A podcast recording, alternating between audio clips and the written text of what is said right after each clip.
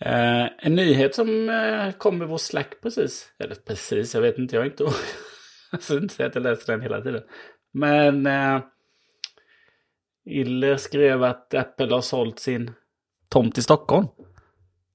Ja. ja, mm, de blev ju lite förgrymmade där på eh, Stockholms stad när de inte fick bygga vad de ville. Nej, just det, de köpte så, faktiskt tomten. De köpte den och så kom de först med ett förslag och sen så nej, sa Stockholms stad, det går vi inte med på. Just det. Och så ritade de om huset och sänkte det, gjorde det lite mindre och de var mera öppet och mer trän. Alltså det, jag tyckte det var, det säger jag inte för att jag nödvändigtvis gillar Apples butik, men jag tycker att det var ganska snyggt. Liksom. Mm. Det var mm. ganska eh, smakfullt med tanke på läget och sådär. Men nej, det fick inte bli att vi kommersialiserade Kungsträdgården då, till skillnad från i dagsläget. Där det står en byggnad som jag tror är från någon gång på 80-talet. Den som är, är så vack. fruktansvärt vämjeligen ful. Alltså. ja, det är inte klokt. Uh, och det är ju ingen som överhuvudtaget liksom tänker på att vi kanske skulle, jag vet inte, uh, göra någonting åt den. Så att nej, det, det, jag tycker det är synd att de inte byggde, för det hade faktiskt varit ett lyft. Snygg arkitektur, ja det är en datorbutik, absolut, men liksom, de hade ju, de hade ju öst på fri wifi över hela Kungsträdgården, bara en sån sak. Jo, men de hade ju gjort något som passade in på stället. De har ju en ganska bra ja. track record på det. Just att bygga butiker ja. som är mycket vettigare än annat. Nu ska det, kommer det säkert bli en jävla hm butik istället där eller någonting. För det är ett fastighetsbolag som har köpt tomten. Så att... Ja, just det. Ja, kul. Det blir säkert mm. jättebra. Så mycket bättre. Vi gläds med stockholmarna. ja, precis. Grattis mm. Stockholm. Grattis Stockholm. ja, det, kommer, det kommer bli en Dressman-butik där, det är bra. det hade ändå varit ganska roligt. Jaha. Eh... Billiga norska kläder för medelålders män. Ja, det låter rimligt. Ja, exakt. Det var Stockholm på. Eh, något som jag har behövt länge har varit en airfryer. Ja. Jag har ju äntligen eh, köpt den. Va, vad, gjorde, vad är det som gjorde att det tog så lång tid? Ja, men saker ska inte höftköpas. Nej, det var noga efterforskat alltså. Ja, men det, men det gjorde jag för länge sedan. Sen så blev det aldrig av. Och sen så väntar man in ett bra pris och eh, sen så börjar man fundera på vilken storlek ska jag ha. Sådär. Men jag kom, jag kom fram till att jag måste ha en stor. Hel kyckling måste gå i. Mm. Eh, så då blir det en sån här XL-maskin. Eh, men nu så var det en... Eh, nu var det en sån här eh, billig sak som antagligen någon hade lämnat tillbaka då. Som var nedsatt ah. 500 eller 600. Så då tänkte jag, men då köper jag den. Så det var ju Philips. Philips värsting-variant. Som har smart igenkänningsteknik. Ja, oh, det ligger frysta pommes frites här i. Det kan jag, kan jag värma. jag vet inte hur det funkar men... vad, vad, vad går den på liksom? Maskininlärning? Ja, det sitter ett sånt uh, Apple-chip i den. Ja, men den har några sådana här förprogrammerade saker då. Som heter uh, Smart Sensing-program. Då är det bland annat då frysta pommes. Och sen finns det även kyckling då. Och då väljer man kyckling så väljer man hur mycket den väger. Ja. Och sen så tillagar det. Så den har jag, den har fått, den har fått jobba lite. Jag har såklart kört en del kyckling i den. Mm. Eh, jag köpte en, det var en, eh, en, en färsk kyckling. Eh, det är gott. Som var, som var, ja, som också var, som också var på re. På min lokala Willys. Så den köpte jag. Och så körde jag den med den smart-tekniken. Men sen så ville jag ha lite klyftpotatis till. Så jag la in den i folie. Mm. Sen fick ligga i folie ungefär då 15-20 minuter. Så då blev det, när jag tog ut den sen så blev ju då, om man säger bröstfiléerna, filéerna, mm. de blev ju lite för torra då. Det är ungefär mm. som det brukar bli när man kör ugn då, eller som när man köper den hos en sån här färdiggrillad kyckling. Ja, just det. Man, ja. man vet mm. konsistensen precis hur det känns. Ja, lite trådiga så. Det som barnen gillar. Exakt, det var det man ville ha när man var liten. Ja, som mina barn också vill Uh, men så där körde jag bara uh, lite olja på.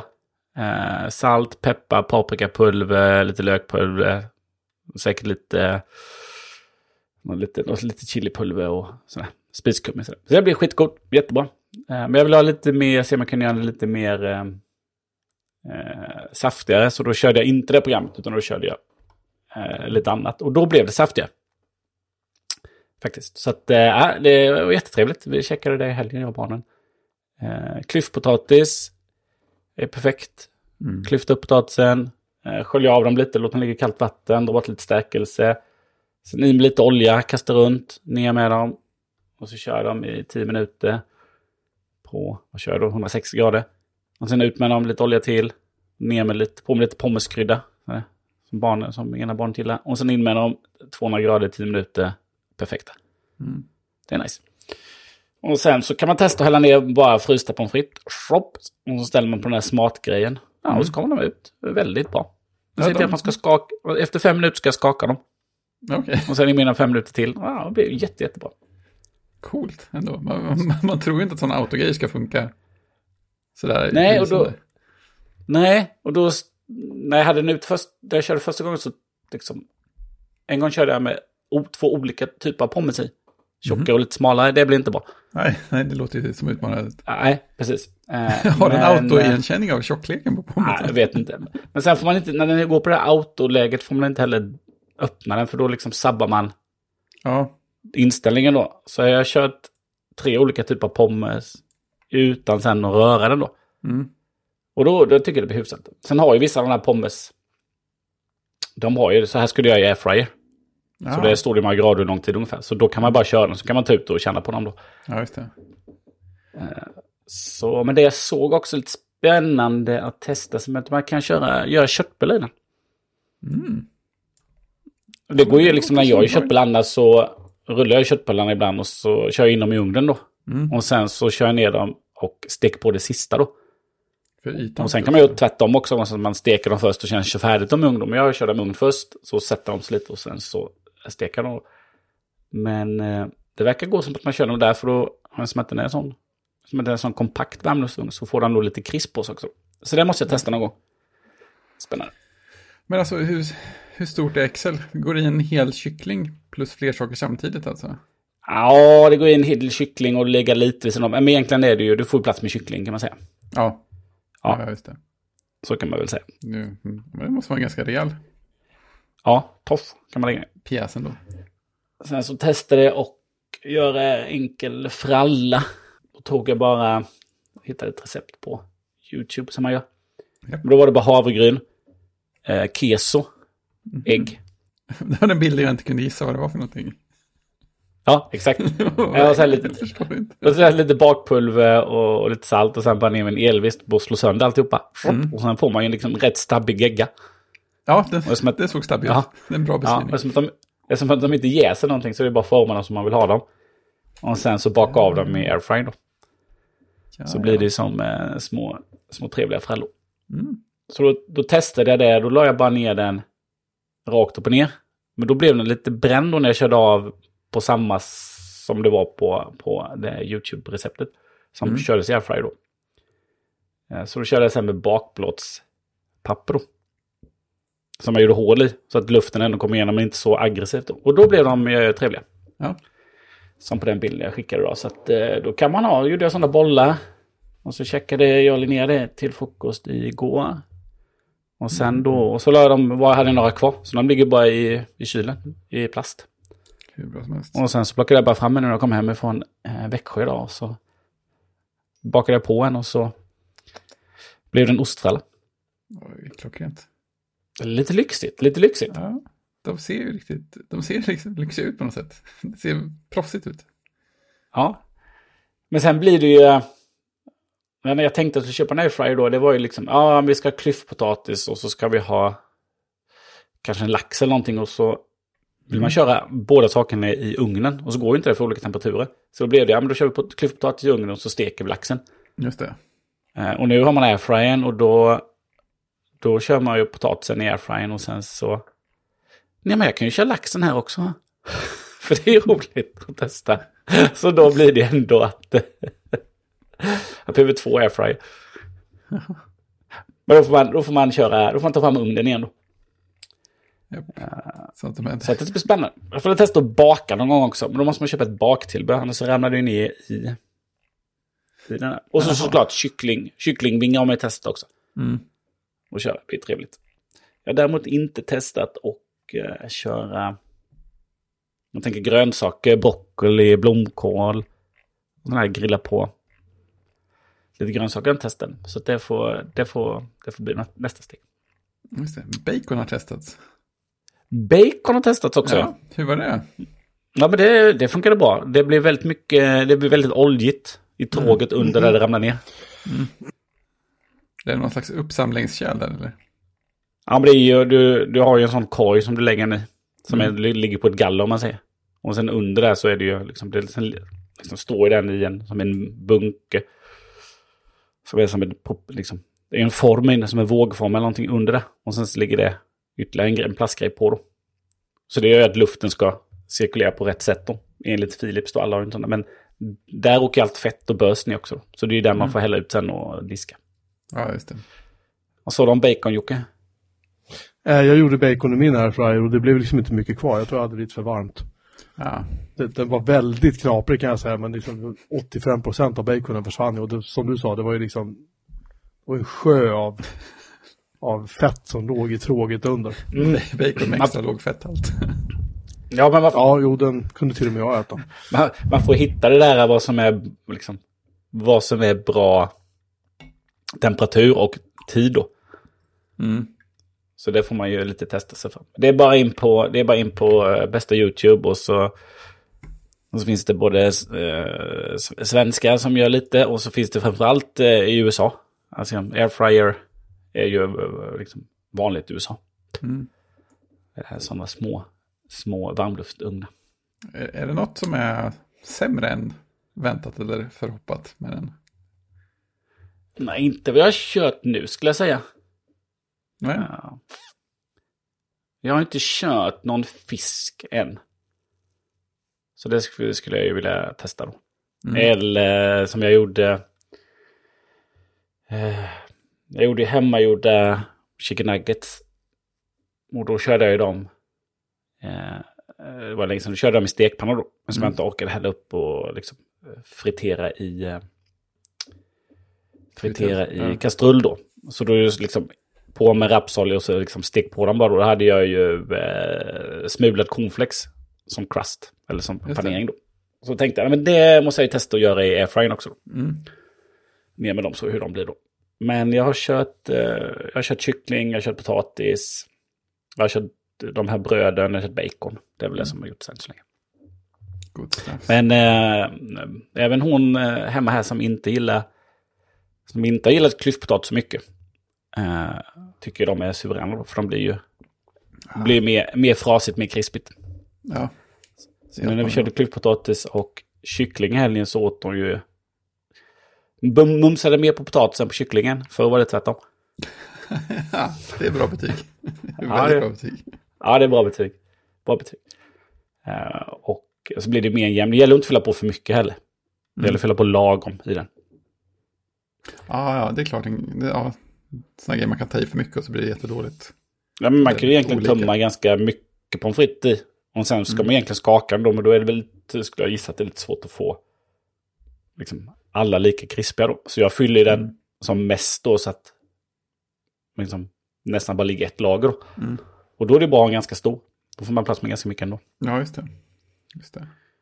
Och ska man då köra med ungarna så kan man lika väl köra en batch Ja. Och sen så äter vi och sen så liksom skickar man på en liten batch till och så kommer det nya varma pommes frites. Ja, det är inte fel. Smart. Ja, hur smart som helst. Tänk om man kunde göra våfflor i en airfryer. Oh. Så att man alltid liksom varma, schyssta, krispiga våfflor. För när man så gör våfflor till ungarna så tröttnar man. Då bygger man, då bygger man ju typ lager och så blir det så här, då blir de mjuka. Ja. ja det ja, men... känns som det vore en grej med rätt, rätt liten insats på något sätt, eller? Våfflor äts ju genom att eh, jag står och gräddar våfflor och de äter våfflor. Ja, jo, sen när de är med, med upplägget. Ja, sen när de är färdiga så äter jag våfflor. Det är så det brukar funka. Samma sak med pannkakor. Ja, så de det är ingen som upplever problemet. Nej. En gång har jag gjort, någon gång har jag gjort pannkakor så jag liksom... Nej men jag stek, liksom steker pannkakorna och viker dem. Och sen så mm. lägger de på en uh, ugnsfast form och sen så låter de stå i ugnen då. Pannkakor är lite lättare, så liksom värmhålla bara så. Men eh, våfflor får man ju får man ju köra på. Det bästa är ju att ta fram våffeljärnet till bordet när man sitter. Mm. Då så blir det lite osigt inne i, ja, precis. vid matbordet istället för att man står under fläkten. Då. Nej, får man, laga, får man laga våfflor och så serverar man dem vid köksön. Sitter barnen vid köksön och sen så när de är färdiga så står man där bredvid och äter sina egna våfflor. Jag hittade ett helt... Eh, det här var ju ett jättejobbigt recept. Ett amerikanskt våffelrecept. De har någon slags plastform som de lägger i airfryern. Och sen, sen så tar det fyra minuter och sen kollar man dem och sen kör man tre till fyra minuter till. Det tar ju en evighet att få några våfflor på det sättet. Det hjälper ju inte någon. Bättre med ett våffeljärn. Jag menar det. Det var sådana slow waffles. Ja, jag såg att det eh, finns en YouTube-kanal som heter Alltid Hungrig. Han mm. gjorde, jag såg en, en film som jag för länge sedan. Då gjorde han hasselbackspotatis i ugn och sen hasselbackspotatis i airfryer samtidigt. Mm. Och liksom få göra skillnaden, äh, jämföra skillnaden. Men han hade med skal på då, så kan man ju liksom, ja. Mm. Då, då blir det ju automatiskt lite krispigare skal när du kör med airfryer då. Men när han körde dem då så tog det 35 minuter i ugn mm. och 20 minuter i airfryer då. Det märks ju. Det, där märks det skillnad och så lite ja. krispigare skal. Men jag, är inte, jag inte, har ju aldrig gjort det med skal, jag skalar mina sådana. Mm. Uh, men uh, du får inte plats med så många hasselbackspotatis. Nej, det är sant. måste du köra ugnen. Då liksom kör du en plåt och så in med mycket om du har gäster. Då går du liksom ja, inte hålla på med airfry. Nej, det är mer små, små batcher. Men däremot, ja precis. Men eh, till då Philips har ju, det kan man använda till vilket som helst. Men Philips hade ju förr, fick man ju med en liten, eh, då fick du med en receptbok. Men nu har de mm. ju en receptapp. Som egentligen alla kan ladda ner, finns ju på, eh, på App Store. Så mm. skillnaden då, om man har en Philips airfryer så kan man bara, nej men jag kan, jag kan lägga in vilken airfryer jag har. Mm. Och sen så vissa recept då får du anpassat för, för din airfryer då. Så då, då står det ju eh, hur du ska på exakt på den du har då, vilka inställningar ja, ska vara. Annars så är det bara att, ja men, det, det är, eh, annars står det bara att det kan variera från, eh, från airfryer till airfryer då. Ja, just det. Men då står det vad man ska göra. Ja, precis. Så då står det att, eh, ja men, så här lång tid, mm. så här hög temperatur då. Och sen om det kan finnas flera steg då. Men där är det ju lite allt möjligt då. Så exempelvis gick jag in på chicken nuggets här då. Och då eh, ska man köra dem sen 10 minuter 180 grader. Mm. När man har eh, fixat till. Så att eh, vissa saker går jättefort. Jag körde ju lite, sist jag körde pommes, med smartprogrammet, så är det ju 180 grader 10 minuter. Skaka efter fem. Klart. Men jag fyller liksom på för en portion. Så på så sätt går det ju fort. Ja, det är raskt och bra. Ja, nej, men uh, ungarna är nöjda. Uh, och jag är nog nöjd för att se hur mycket den används. Ja. Till klyftpotatis, definitivt. Uh, en annan sak, uh, som att man har börjat gå upp tidigt nu, man har börjat jobba igen, så har jag märkt att oj, det är lite svårt att jag är lite van att stänga av larmet som ändå funnits på lite på semestern. Sådär, att larm på åtta och så. Ja, det kan man stänga av. Och, ska, man inte, ska, man inte, ska man inte göra när man ska gå till jobbet. Så att jag kom på att ja, men man kan ju be HomePoden som står utanför sovrummet där. Här vid datorn där sitter. Mm. Kan man säga till den HomePoden att ha ett larm på. Mm. Och då kommer den ju låta jättemycket och den måste man ju gå upp för att stänga av. Mm. Det låter ja. asjobbigt. ja, det är jättejobbigt. Men jag satte på, jag bad den sätta på ett larm. Och sen då när man för telefonen i närheten så så kan ju telefonen liksom, spelar man någon musik eller podd så säger den ju att eh, ja, men flytta närmre så flyttar du över musiken eller vad det nu var, du kan flytta över telefonsamtal då. Eh, men då märkte jag ju att hade man ett larm ställt på och flyttade över, då fick man reda på eh, när larmet var satt. Jaha. Nice. Kom, upp i, eh, liksom, kom upp i telefonen. Ja, men nästa larm satt, satt vid 06.30. Eh, Jaha, vad spännande, vad trevligt. Det som fan. Mm. det vill jag Så man kan. ja, det där. kan man inte föra klockan nära telefonen? Jo, klockan nära telefonen och få se på telefonen när tusan den här påminnelsen man satt egentligen blev. det hade jag velat ha. Ja, eller om man alltid frågar eh, Eh, när, man, när, man, när man sätter timern via Siri. Och så behöver man sen på klockan fråga. Ja. Vad, hur mycket är det kvar av timern? Ja, precis. Det är jättejobbigt. Om man däremot, om man däremot går in på appen, sätter timern där så kan den ju ligga kvar så man bara kan titta på den. Ja. Men det är jobbigt att sätta timern så man säger till ja. Siri. Ja, men det är det bästa med Siri. Att man kan göra den grejen. Ja, sen skulle man gärna vilja ha att timern räknade ner på klockan. Någonstans. Ja, att den, att den syntes någonstans i alla fall. Ja. Men det, det är så, så... I telefonen ser man ju den då, så, men Mm. i klockan gör man inte. Så vill man ha det, då har Apple bestämt. Mm. Men veckans HomePod-tips. Eh, för den närmare så vet du när du har ett alarm ställt. Och har du inte någonting så lär det inte komma upp någonting. Jag, ehm, jag satt i, i, jag kommer snart till eh, bildiskussionen i frågan, men jag satt i min bil och så hade jag faktiskt mina eh, airpods på mig idag.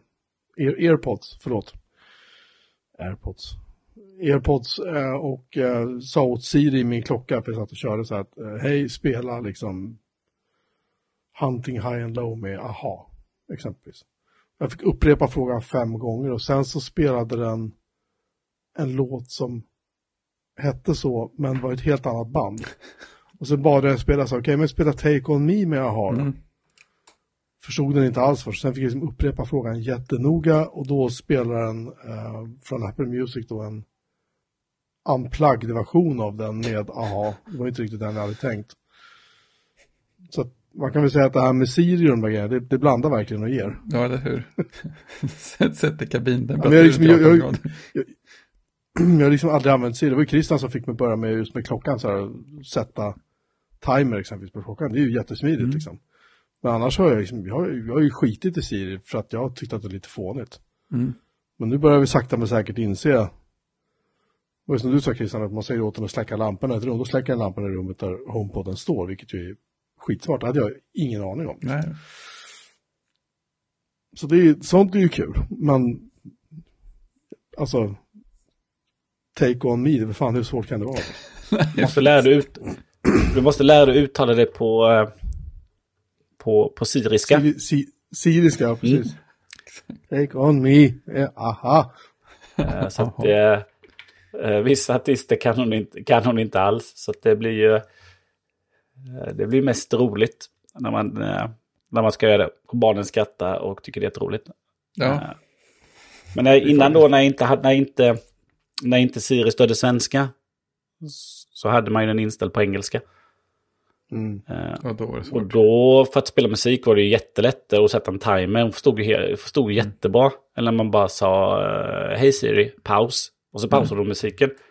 Eh, men eh, nu så ropar man på henne, säger paus. Eller pausa.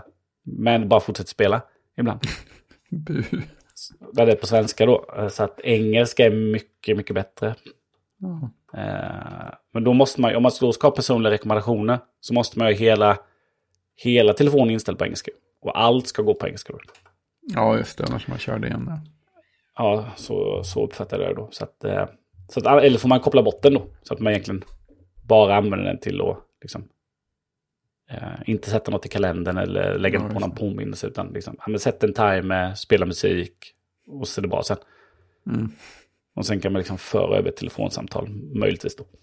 Men man kan inte be den ringa eller någonting. För de, de är väldigt trevliga, HomePod är väldigt trevliga att ha som konferenstelefon.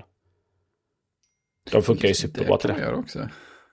Ja, jag har ju en på köksön så eh, en, ringer någon och vill prata med mig så är det bara till att föra över samtalet till den. Och sen så kan jag gå runt i köket och det är, de hör hur bra som helst. Det är ju Men det är jättebra till det. Ja, det är väldigt bra till det. intressant. Jaha, vem är det som har tagit emot en lyssnarfråga? Ja, det, ja, det var jag. Den, den kom på, eh, på Mastodon faktiskt. och så gick jag och svarade på den, så kom jag på att det där är väl vettigt att ta upp i podden också. Om det nu skulle vara så att det är någon, någon mer som undrar. Och frå, frågan var ju helt enkelt om, om jag tyckte att det var ett svårt val mellan Macbook Air och 14 tums Macbook Pro. Eh, för som personen skrev, det känns som att eh, Macbook Air med 16 ram och 512 lagring kontra en 14-tummare instegsmodell för bara 2 och 5 mer blir ett svårt val.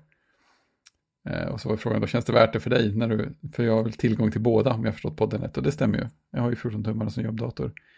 Eh, men jag tyckte inte alls det var ett svårt val. Eh, för att jag har ju alltid velat ha eh, minsta, lättast, tystast, svalast maskin när det har gällt en bärbar för privat. Eh, och jag hade nog, om, om jag hade valt jobbdator helt fritt och skulle ha en ny nu så vet katten om jag inte hade valt Aaron där också. Faktiskt nästan. För jag tycker det är så pass, så pass trevligt. Med mer bärbarhet om man ändå ska ha en bärbar. Eh, så jag tror, eh, men det jag tänkte var att om man tycker att det är ett svårt val, då kanske man ska ha Macbook Pro. Om man, om man landar på min sida så känns det kanske aldrig som ett jättesvårt val. För att det, de blir, hamnar i så pass olika kategorier för mig eftersom den Macbook Pro är så mycket tyngre. Fast varför vill man ha Macbook Pro egentligen? Jag har aldrig förstått det. Nej, men den... Alltså nu, numera. Ja, nej, men lite så är jag också. Men jag tror att det är ju... Jag, jag, jag tänker från mitt håll att om man faktiskt behöver en Pro så vet man det nog. För att man... Alltså fler, fler kärnor, mer eh, kylmöjlighet, att man faktiskt gör saker som, som använder det här lite grann. Men bara så att vi, vi bara stannar, vi pratar nu jämförelsen Macbook Air M2 mm. mot Macbook, Macbook Pro M1 Max. Och M, eh, Macbook ja, Pro 14 tum eh, M1 eh, Pro. Så vi pratar ju inte om den nya M2 Macbook Pro. Nej, just det. Gör vi. vi pratar om 14-tums uh, Macbook Pro, ja. ja. Precis. Mm. Det, det, är sant. Ja, för 13-tums Macbook Pro tror jag inte någon borde köpa. Nej, den är helt, eh, den är helt Du kan få en tyngre Air. Vad, vad, vad, yay. det, var, det, var, det var den jag syftade på när jag ställde frågan. Ja, ja. ja precis. Jag tar, jag, jag tar tillbaka delvis. Men... Ja, men det är en bra poäng också. Den här konstiga datorn i mitten som bara förvirrar allting. Nej men, nej, men visst, tittar man på 14 tummen, den har väl, den har väl typ fler portar. Mm. Eh, bättre skärm. Cores, bättre skärm, absolut. Så att det, det finns ju mycket där att hämta, men eh, om man ska ha en laptop som är så här, den räcker eller det funkar. Då tycker jag är den är klockren. Ja, ja men ska man ha laptop för bärbarheten? Så ja. alltså, om, man, om man lägger någon vikt, någon vikt i det så tycker jag att det, att det väger ganska tungt över till Aarons fördel. Speciellt då som, som den typ inte drar något batteri. Det är jättesjukt. Nej, men det beror ju på lite. Är du en sån som... Nej, men jag har, jag har en bärbar dator. Men när jag sitter på kontoret så sitter jag ju liksom... Mm. 80% av tiden sitter jag vid två skärmar. Mm. Och liksom har den inkopplad. Och sen så måste jag koppla ur den ibland för att gå till ett, eh, liksom, ett litet arbetsrum eller konferensrum för att ha något samtal. Mm. Eh, och så vill jag kunna stoppa ner den i ryggen och, och liksom ta med mig den hem ibland. Eller så behöver jag ibland åka till kund. Mm. Och men liksom, liksom den större delen av tiden så sitter du vid ditt skrivbord. Mm. Då, då har man ju fördelen av att ja, men du har en bättre skärm och du har alla portar. Du kan ha två skärmar utan ja, att krångla. Två... Håller du på med, har, mm, har du på med video så har du ditt SD-kort. Just det. Och så är den ju liksom, den är ju snabbare eh, ja. när den jobbar med flera kärnor va? Ja, multicore-läge fortfarande. Men det är sant, två skärmar när man sitter still också. På ett smidigt sätt. Alltså det, det sa ju folk precis som ni, att det går ju att få displaylink och sånt. Men att bara koppla in två skärmar och köra, eh, det är ju värt en del. Det kan ju definitivt vara en, en tydlig sån vattendelare mellan de två också. Vet man att man... Ja, mm. jag tänker ju use-casen som vi har på jobbet. Mm. Eh, de som använder Mac då, det är ju Liksom som sitter med gränssnittstagg, de sitter med Figma och Just med eländes tunga saker ibland. Och då, då har de en bra och snabb dator. Mm. Liksom, och så liksom, har även mycket skärm när de sitter och jobbar på den. Mm. Och, eh, och jämfört då kanske på de som sitter mycket med, såklart de som sitter mycket med video. Mm. Då är det ju jätteskillnad såklart. Men ja. däremot som en, om man ska jämföra som en, en ja, men så som du använder den som hem, du använder den som hemdator, en privat ja, dator. Där du redigerar liksom podd, som det är egentligen yep. det största. Ja, men exakt. Man egentligen, man egentligen, då är det ju, då är ju valet lättare. Ja. Skulle kanske jag säga, för då värderar du ju, ja, men jag kan, jag kan köpa lite sämre prestanda i vissa lägen. För att jag vill ha den här ultra bärbara utan fläktdator.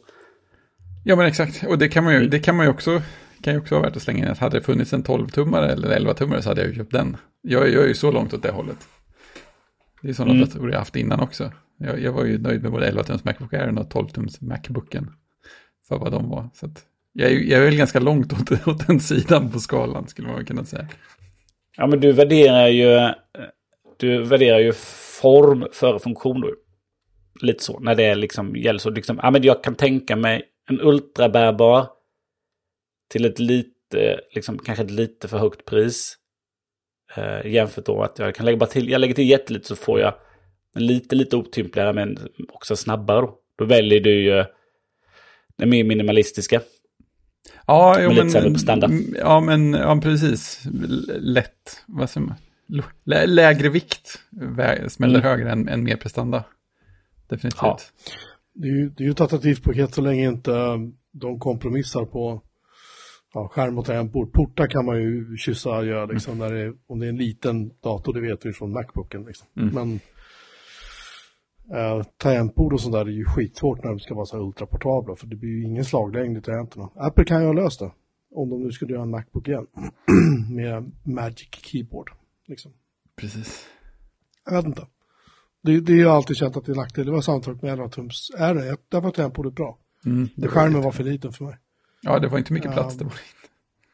Nej, det var, det, och det var ju upplösningen på den skärmen var inte så här som man garvar heller direkt. Liksom. Så den var ju ganska begränsad. Mm. Eh, men väldigt portabel liksom. Och första, eller den Macbooken var ju också superportabel och lätt och sådär. Men där var ju, ja, tangentbordet var ju inte så kul. Då. Kan man ju säga. Kan man säga. Och prestandan var ju helt, prestandan var ju helt liksom, det var ju, nej det var ju inte ens roligt. Vad slö den var. Nej, men man kan väl säga så här att eh, den 12-tumman som de gjorde, Macbooken.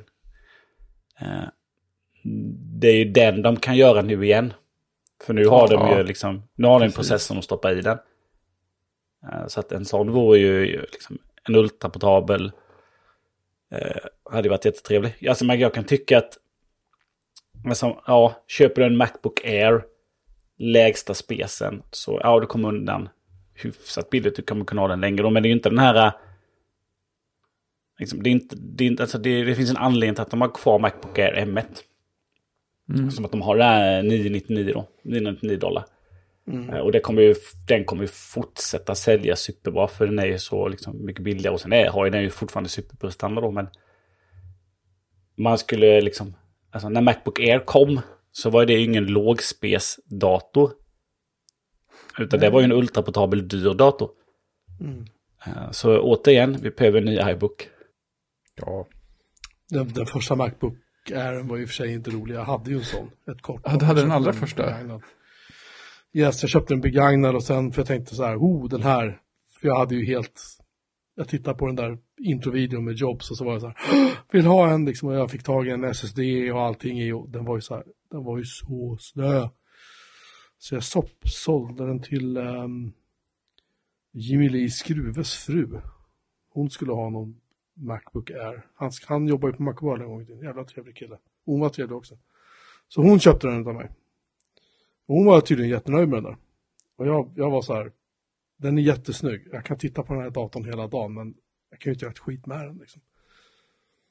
Sen så när jag köpte 12 tummar, och tänkte det här är perfekt, jag ska ha den här på mitt skrivbord. Och bara, åh vad clean allting kommer att vara så här. Och sen, ja, några månader senare satt man där och hade tangentbord och mus och skärm inkopplad och hej och hå, det såg ut som ett jävla råttbo igen. Liksom. Så, nej.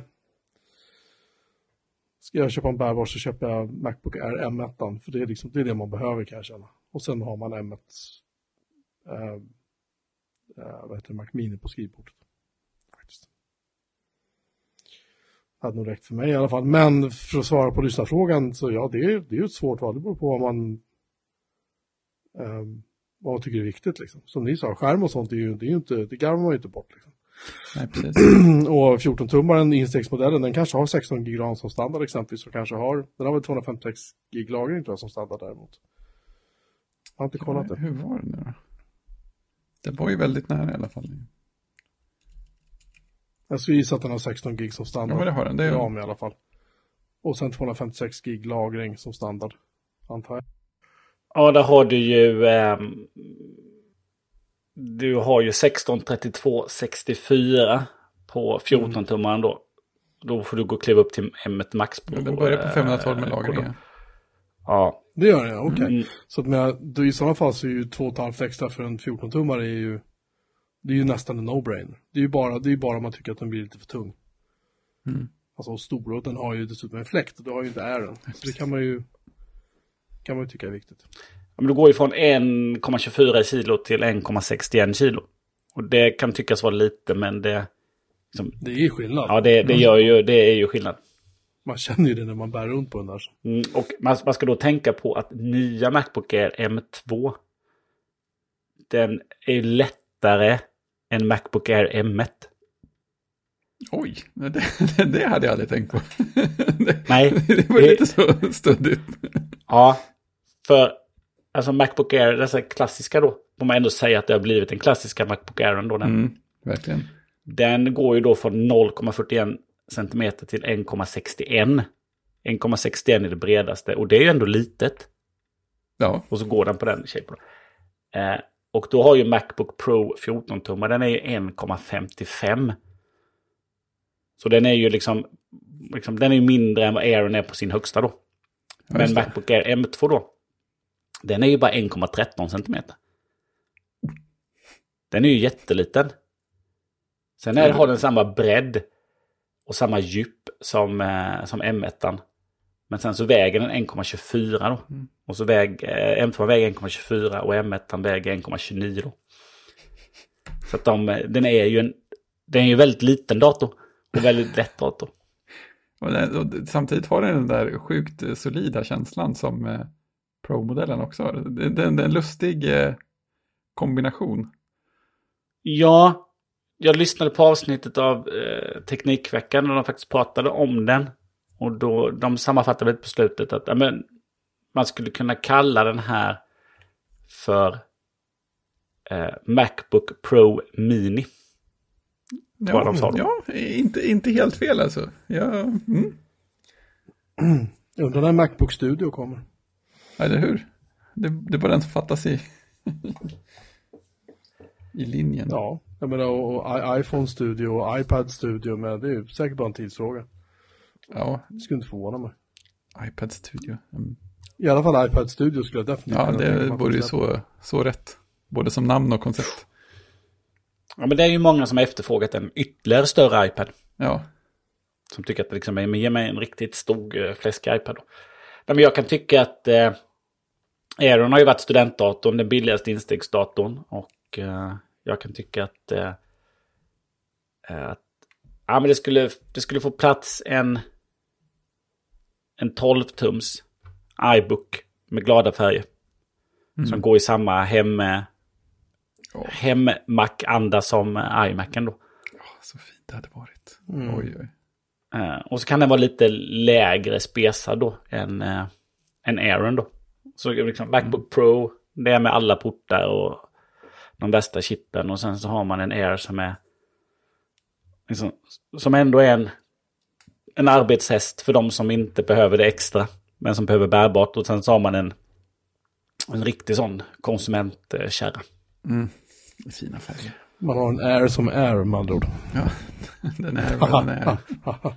Ve- Veckans Air, Air-vits. För det är samma sak om man tittar på, om man tittar på iPaden.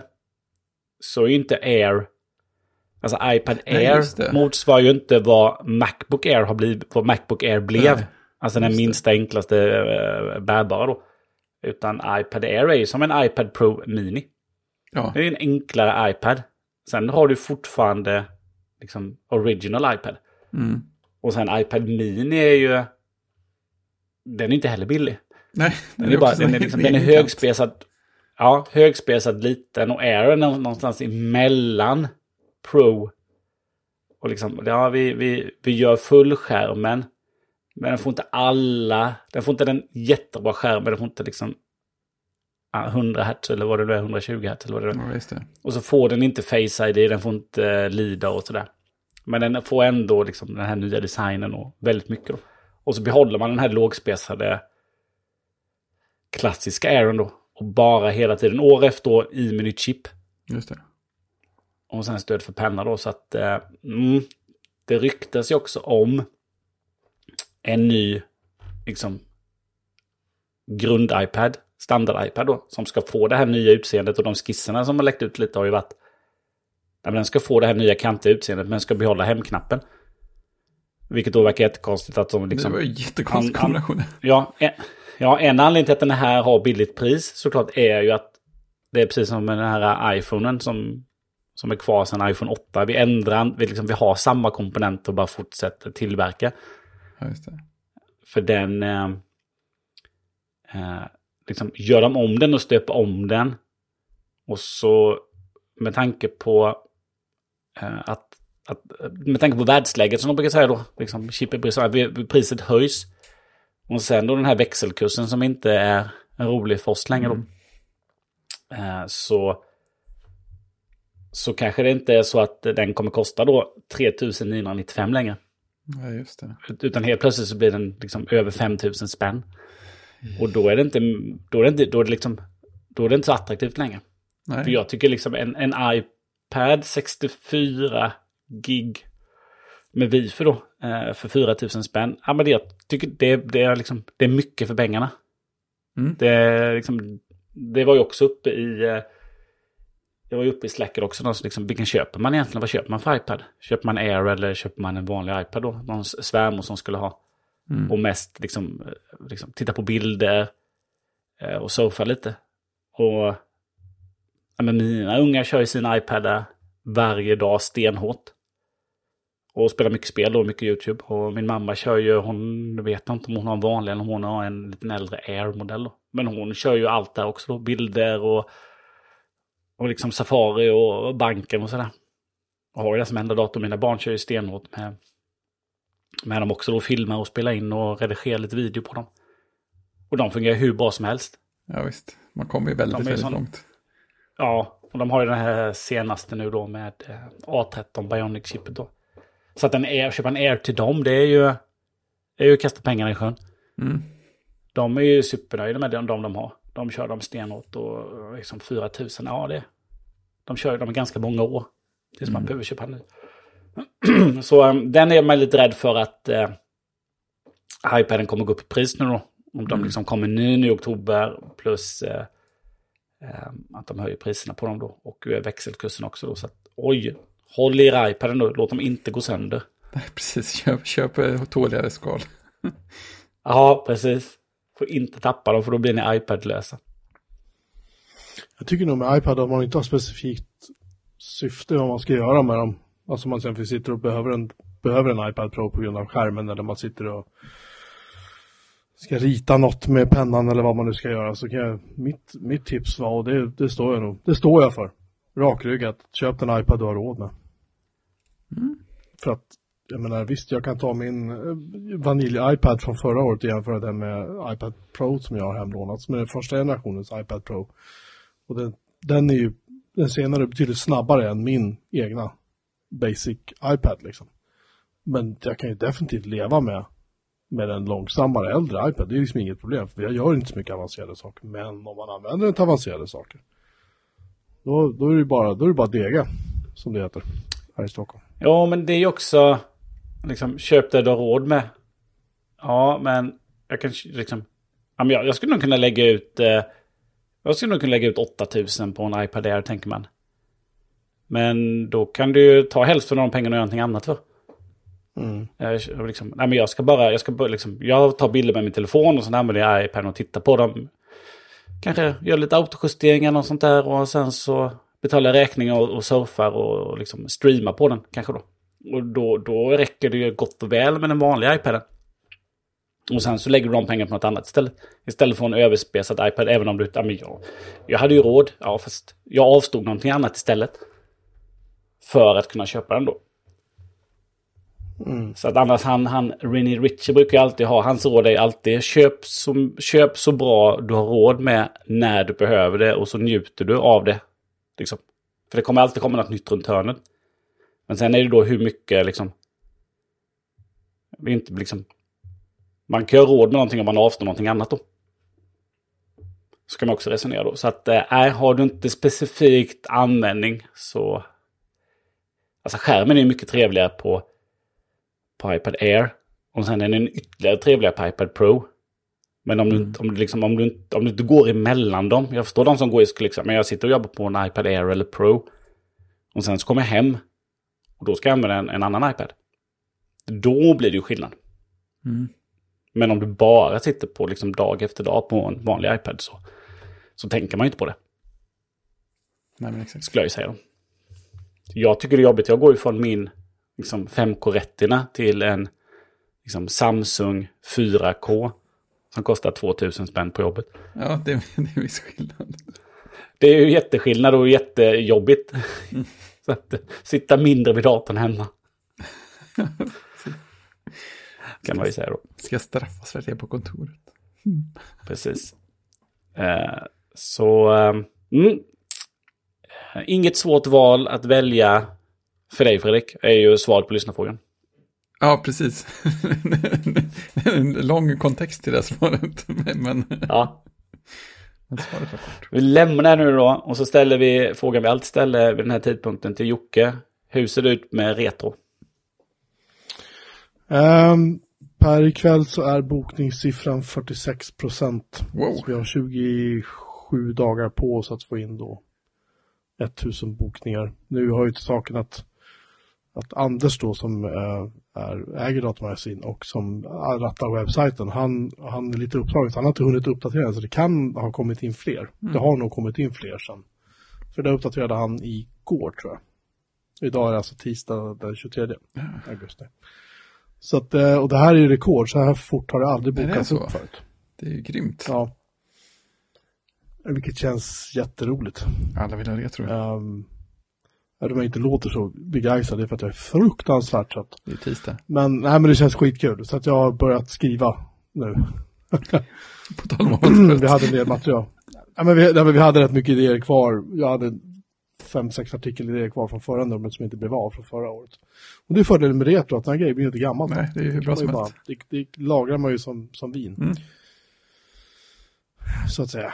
Så om en vecka så hoppas jag att jag återkommer och säga ursäkta, att vi har nått 100%. Det vore skitkul om vi är klara tidigt, för då kan vi sätta igång och göra tidningen fortare och så får folk den. Ja, det hade varit fantastiskt. Fortsätt så här. Vi krä- Ja, fr- fr- frågan har ju kommit så här, ska vi inte ta prenumerationer och sådär och lalala liksom. Och, jo, det vore ju, det vore ju kul, men, men jag är lite sådär, jag är väldigt försiktig i det att vi är ju inte en stor redaktion som gör det. Det är jag och eh, Anders och Andreas då. Andreas layoutar tidningen. Anders sköter med det administrativa och jag så här, piskar på frilansare typ, och skriver rätt mycket själv. Och eh, även om det finns jättemycket att skriva om fortfarande så risken är att det blir lite så här wow, här kommer en hembyggd någonting till som vi har skrivit om fem stycken redan. Nu kommer en sjätte. Det är inte för att det sjätte hembygdsprojektet, det hembyggda projektet är eh, mindre intressant. Det är bara det att det är kul att variera sig väldigt mycket varje gång. Mm. Och det tycker jag vi har gjort ganska rejält med tidningarna så här långt. Ja. Men eh, vi kan ju inte hålla på i all jävla evighet och, och skriva om så här Rex-programmering på Amigan liksom, i varenda nummer, även om det är jätteintressant. Vi behöver ju liksom variera oss och skapa. Och därför är det lite kul att göra det en gång per år, för det blir ett event liksom. Mm. Lite grann för oss i alla fall som gör något. Och jag tror att det blir det för läsarna också. Att de äh, öppnar tidningen och så bara, vad har han hittat på nu? För att Mm. Även om vi listar liksom artikelidéer och sådär när vi kör äh, insamlingen och liksom bokningen och så först. Så är det liksom 10% av det vi faktiskt kommer att ha med i tidningen. Resten blir en överraskning varje gång. Så att vi, vi har pratat om vår och höstnummer flera gånger jag och Anders, men vi, jag tror vi är rätt överens om att det måste, tidningen måste kunna bära det materialet som är i, eller snarare materialet måste bära tidningen, förlåt. Och det gör att ehm, jag vet inte, jag skulle kanske behöva ha fler som skriver som har idéer, mer idéer. Och vi, inför det här numret fick vi in väldigt massa bra idéer från läsarna också, vilket var jättekul. Så att vi har ju, vi har ju, vi bygger upp liksom en bank av saker och ting som vi faktiskt kan skriva om i framtiden också. Men tar man prenumerationer, då har man ju också ett annat krav på sig. Då måste ju den komma ut. Då måste det bli klart. Liksom. Det måste komma ut två nummer per år, eller fyra nummer per år, eller vad man nu vill göra. Och det, är, det är nästan lättare att göra en tidning i månaden, faktiskt. För då har man det här tempot uppe Ja, på annat det. sätt. Det har man inte när man gör för varenda gång jag, jag skriver ju inte så mycket längre. Så när jag väl ska börja skriva ett datamagasin, det blir så här. Ja, fan, pages, just det, där var den ja, då börjar vi med den ja. Där ja, så sätter det? vi, rub, sätter vi rubrik och så någon sorts ingress kan ju vara kul och sen så, ja, Sen efter typ några timmar då bara flyter det på sådär. Men, Men ja, men när, eh, man får ju också tänka på att eh, det är ju heltidsjobb. Du har ju ett heltidsjobb vid sidan om, så detta är ju liksom en, eh, en hobby, hob, hobbyaktivitet. Liksom kombinera det med att ge ut fyra nummer om året, då får man ju börja minska i... eh, Liksom. Då ska Så- man ha en ekonomi i då kunna liksom minska på arbetstid. Ja, det, det är ju det, eller fyra nummer per år, då kan man lika gärna göra sex nummer per år. Och då, då är det liksom, alltså varje nummer vi gör nu, det tar ju i runda slängar två månader att göra. Mm. För att många av de här artiklarna kräver ju groteskt mycket liksom research och intervjua folk och få tag i alltså olika intervjuobjekt och få tag i maskiner och fotografera och liksom allt det där. Det, det är knepigt liksom. Så att det är, eh, det, det är mer jobb kanske än vad man tror när man läser tidningen. Det är, det är rätt att bara sopa igenom hundra sidor och bara, ja men det var ju kul sådär. De där hundra sidorna, det har tagit vansinnigt lång tid för oss att få ihop Ja, visst. varje gång. Och eh, som Christian säger, ska man göra det där liksom nästan på heltid, då är det ju, då krävs det betydligt fler än, än tusen bokningar. Om jag säger så, då skulle du behöva ha, jag vet jag, 8-10 tusen bokningar plus en massa annonsintäkter för att det skulle bära sig ekonomiskt. Ja. Nu är vi inte beroende av annonser alls, utan vi är beroende av att sälja tidningen och typ sälja t-shirts och sånt. Merch liksom. Det gör ju, allt sånt där bidrar till att vi kan göra, trycka fler sidor, vi kan ha bra tryck, vi kan ha bra bilder, bra illustrationer, snygg layout. Det, kan, det är en bra produkt liksom. Snygga omslag. Men det är, eh, det är ett jäkla jobb. Jag, kan, jag kommer nog kunna prata mer om den här processen Mm. nu ju längre vi kommer in i det. Sådär, vi ska försöka ha någon sorts möte i tanken och spika innehåll nästa vecka. Sen kör vi. Eh, Jag har faktiskt köpt en, en bok också på tal om trycksaker. Jag har, har köpt retro. den stora boken om Saab. Mm. Fördelaktigt. Det är retro. Ehm, det är väldigt och det är faktiskt en, en av mina bästa vänner, Petra, hon som gjorde Fidonet-loggan, Fidonet-loggan. Hon har layoutat den här boken. dessutom. Det var där jag upptäckte den. Sen har jag tänkt flera år att den där ska jag ha och så tänkte jag att nu köper jag den. För nu är jag ju Saab-ägare så då kan jag ju... Just nu har en bil och har den. Så jag har ju sitta och läs, läsa, läsa på här liksom, och leva hela livsstilen och skaffa en Saab-keps istället för en Volvo-keps som jag har nu och så vidare. Det är ju mycket som mycket som eh, sådär med. Men det förutsätter att jag faktiskt får tillbaka bilen från de som har sålt den till mig. För nu står den där och nu ska servon bytas på riktigt den här gången. De har tydligen gjort något annat innan. Jaha. Eh, och för den här övningen så, de här bilderna kanske Fredrik kan lägga in som någon sorts liksom, chapter art sen. Jag ska, jag ska ta den första, och det är, min lånebil jag har fått i en Honda Accord. Och den här är från typ 2005 eller någonting. Det här är en bil jag hatar så innerligt. Inte bara för att den är otroligt obekväm att köra, kopplingen är helt kass på den. Men här kommer första bilden. Det ni ser på den här bilden då, kära lyssnare också om ni tittar på kapitelbilden i er poddspelare, så ser ni att det är eh, tre stycken olika displayer för information på den här bilden. Eh, den första är då den översta som visar hastighet och eh, om man kör ekonomiskt. Vad den där gör vet jag inte riktigt. Det är så här beroende på hur hårt man varvar, beroende på eh, jämfört med växeltal och bla bla bla. Så. Sen har man under den så sitter det eh, varvräknare, bensinmätare och vattentemperatur eller motortemperatur. Och sen till höger finns det en tredje display som då ser helt, den har inte massa blått i sig, den är bara svart och vit. Där man visar klocka, hur AC'n är inställd och typ sådana saker. Liksom. Det är tre olika displayer och sen ser ni de här knapparna som är på höger sida om ratten. Eh, det, det där är alltså inställning för AC. De två nedersta stora rattarna som är där. Och de är helt obegripliga. Och när man väl har förstått det på dem så inser man för det första är AC en paj. Så det var ju varmt och skönt att köra hem idag. Och för det andra så är det så här det är så fruktansvärt ologiskt och fult jämfört med en Volvo eller en Saab. Um, så att man har tre displayer att stirra på och det är ju fantastiskt. Um, oj, jag postade den. jag postade i fel chatt. Där kommer bilden. Så, sorry. Där kom den.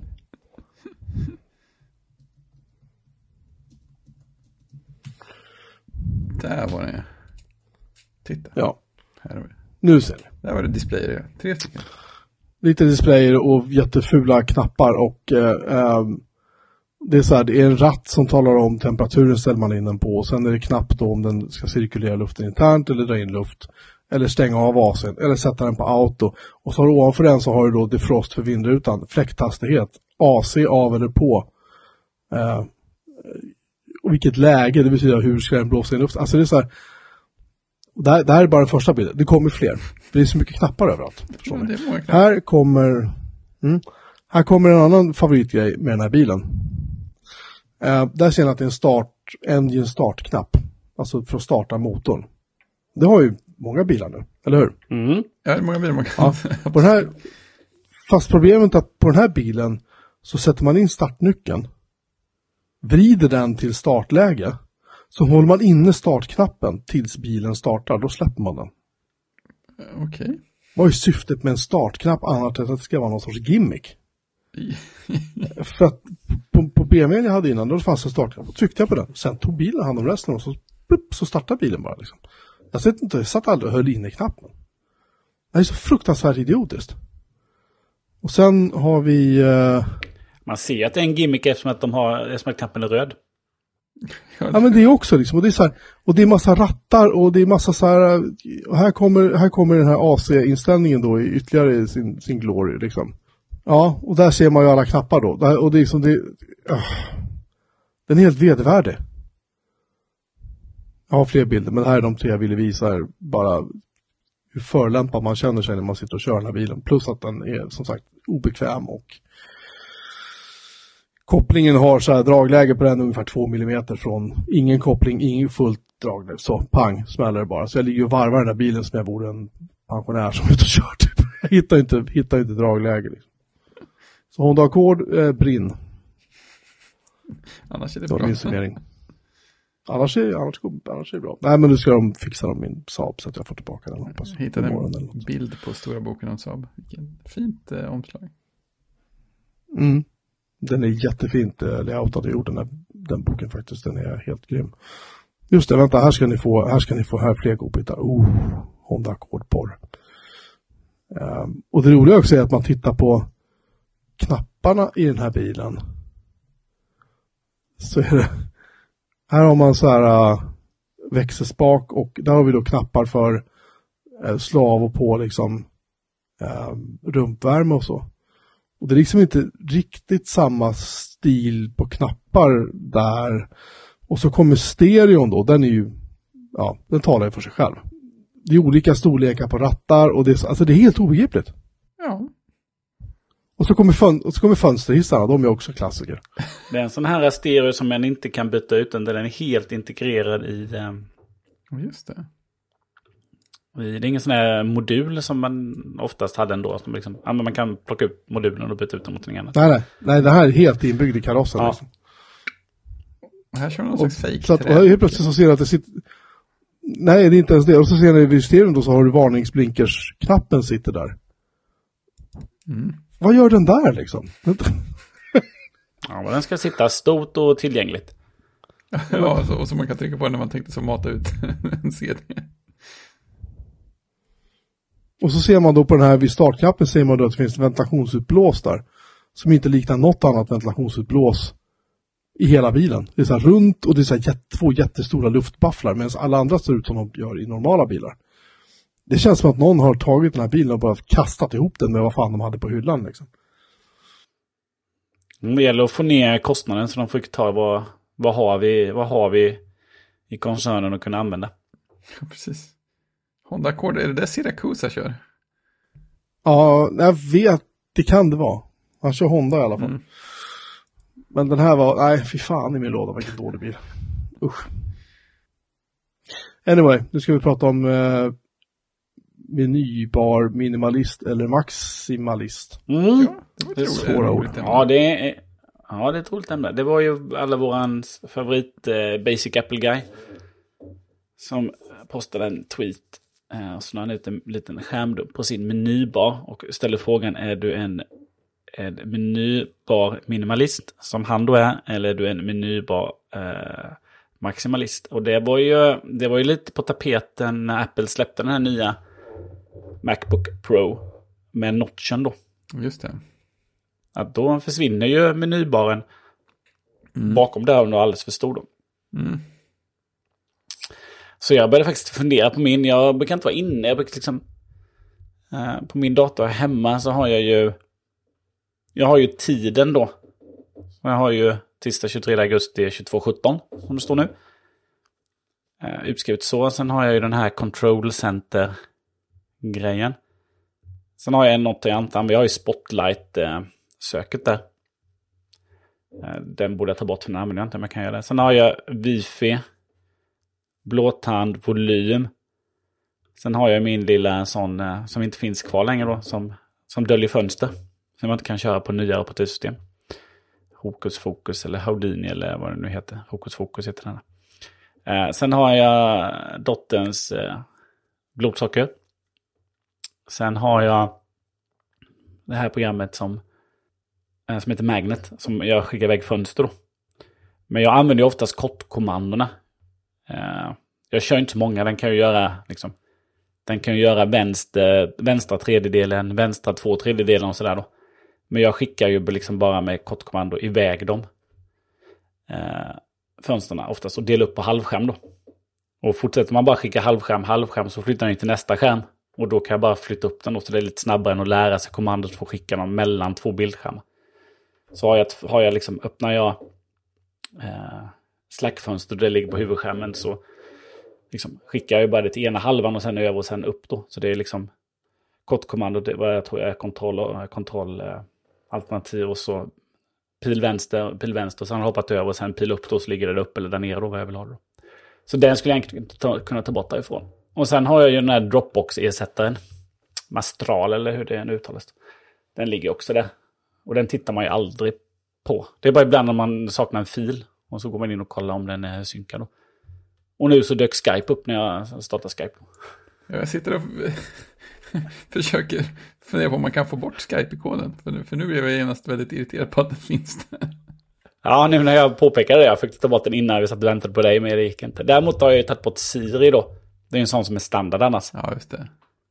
Som man ibland kanske råkar träffa då. Sen så, alltså jag använder ju väldigt sällan blåtand-funktionen eh, där. Alltså mm. framförallt där hemma, jag har ju bara egentligen eh, en styrplatta inkopplad.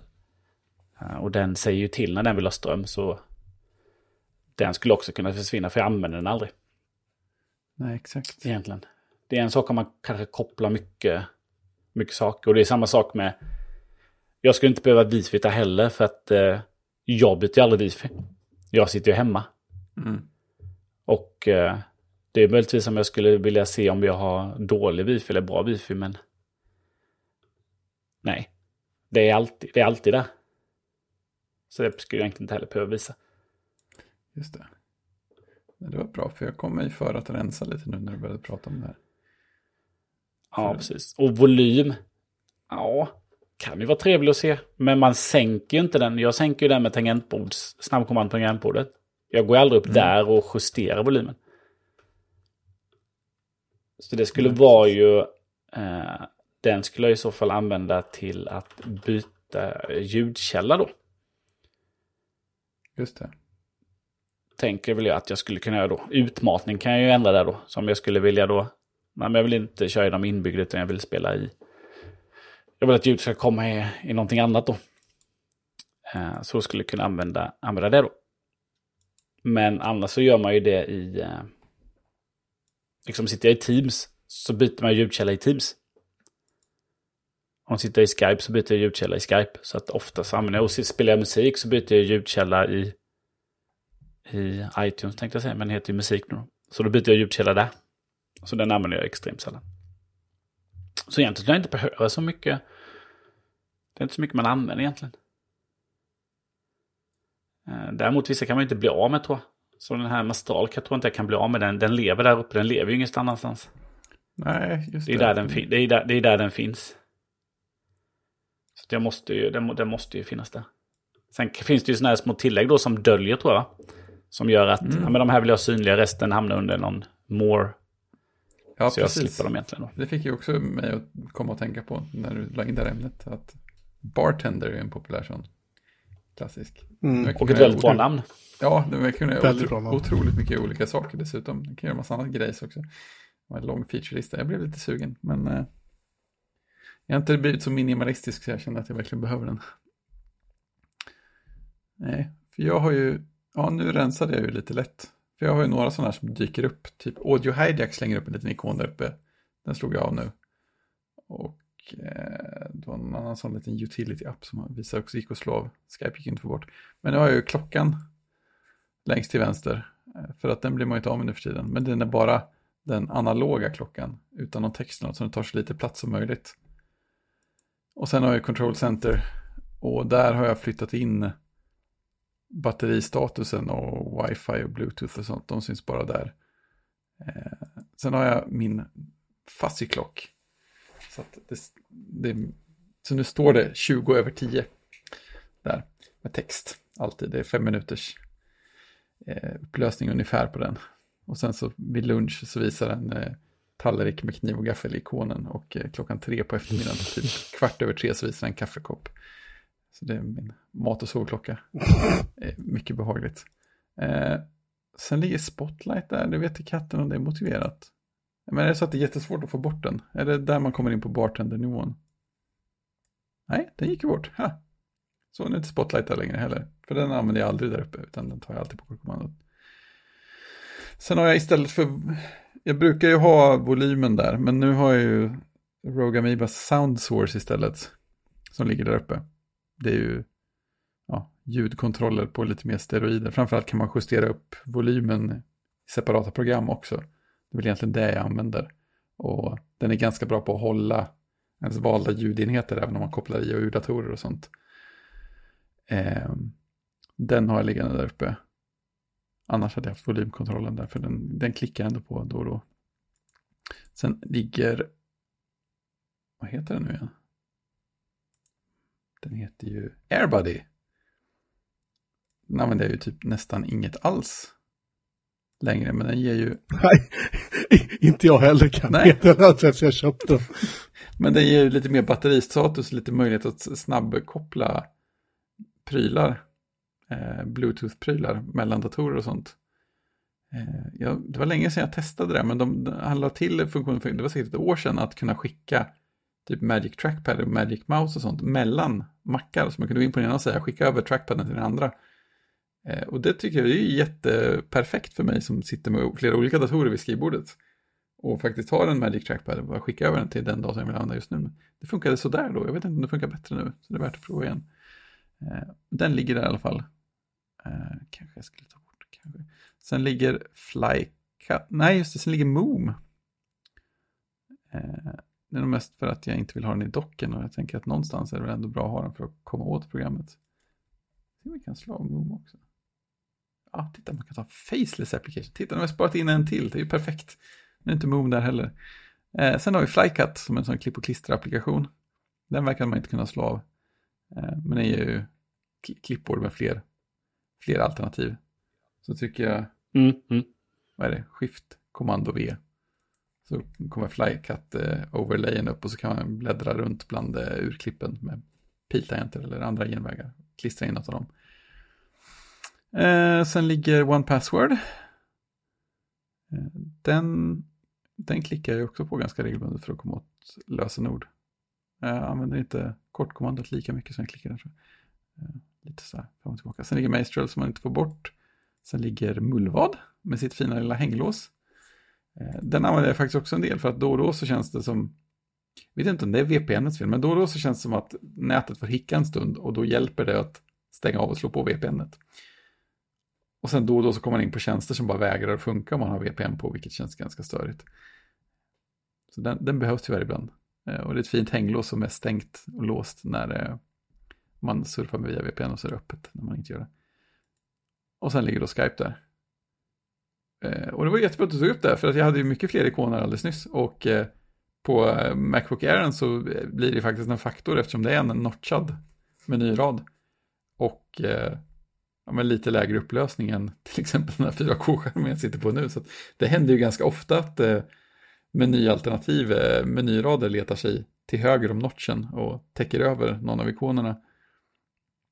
Så det är helt klart en faktor här. Jag blev, lite sugen på bartender. Men nu är det ju rensat och fint tack vare dig Christian. Känns bra. Härligt. Är Eh, spännande att se vad, vad Jocke har. Stand, standard, standard.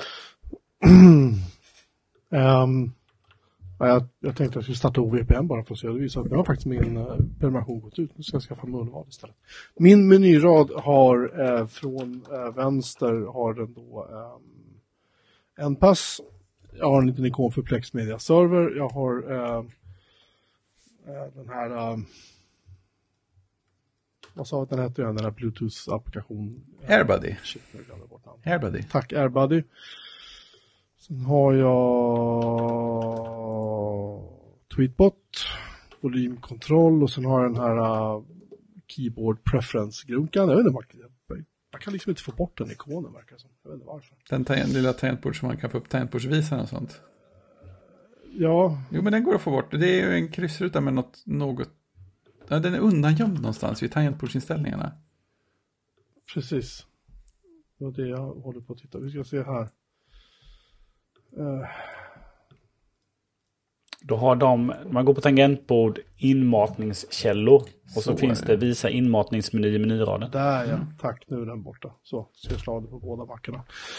Eh, sen har jag eh, faktiskt Time Machine som jag ju inte ens använder längre, så det kan jag också ta bort. Hej då.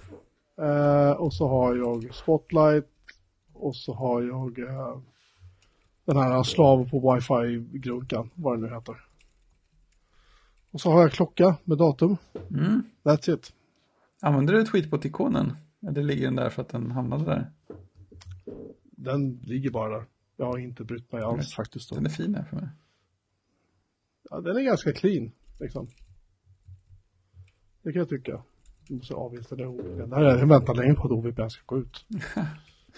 Det var bra att uh, OVPN uninstaller kraschar när man startar den. Oops. Men vad gör en tweet, vad gör den där uppe? Vad har man den till?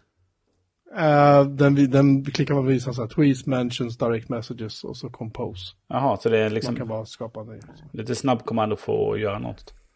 Ja, precis. Jaha, ungefär som att gå till och välja Open Dropbox Folder. Istället för att klicka på, eh, på Find-ikonen och välja Dropbox i sidomenyn. Nu, Mullvad, here I come. Oj. Oj. Jävlar, det här är ju snyggt. Ja, man blir lite glad av det. Setup. Ja, Framförallt skapa kontoprocessen. Ja. Det är redan klart. Förlåt, vi byter, vi byter ämne. Sorry. Ehm, det var inte meningen. Ja, nej men det var min uh, menyrad. Jag tycker att, jag vet inte om den är superminimalistisk direkt, men det är, det är rätt standardgrej som ligger där. Jag, jag vet inte, jag liksom tänker inte på det längre, faktiskt. Ja, Men jag tänker det blir också lite skillnad säkert om man sitter på liksom, högupplöst extern skärm där man har ganska mycket utrymme. Än när man Ja. hamnar på en, eh, en, en Macbook Air M2. Eh, och eh, det är en notch i vägen. Ja, men det är väl, det är väl så. Sånt får nog Ja, det ska bli spännande att se. Ja, precis. Vi länkar till den lilla fina Twitter-tråden och så får vi hoppas att det dyker upp eh, en tråd i vår Slack-kanal. Just det. det vore roligt. När vi postar avsnittet så får vi posta våra och så får vi se vad vi, vad vi får ut av, av alla här lyssnare. Och därmed Fredrik så kanske ett...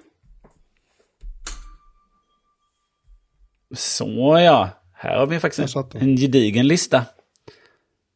Ska vi... Ska, Till, till, skill- till skillnad från de flesta andra avsnitt vi har gjort. ja, men ibland har det varit eh, ganska tomt. Till och med jag har ju, har ju fyllt på.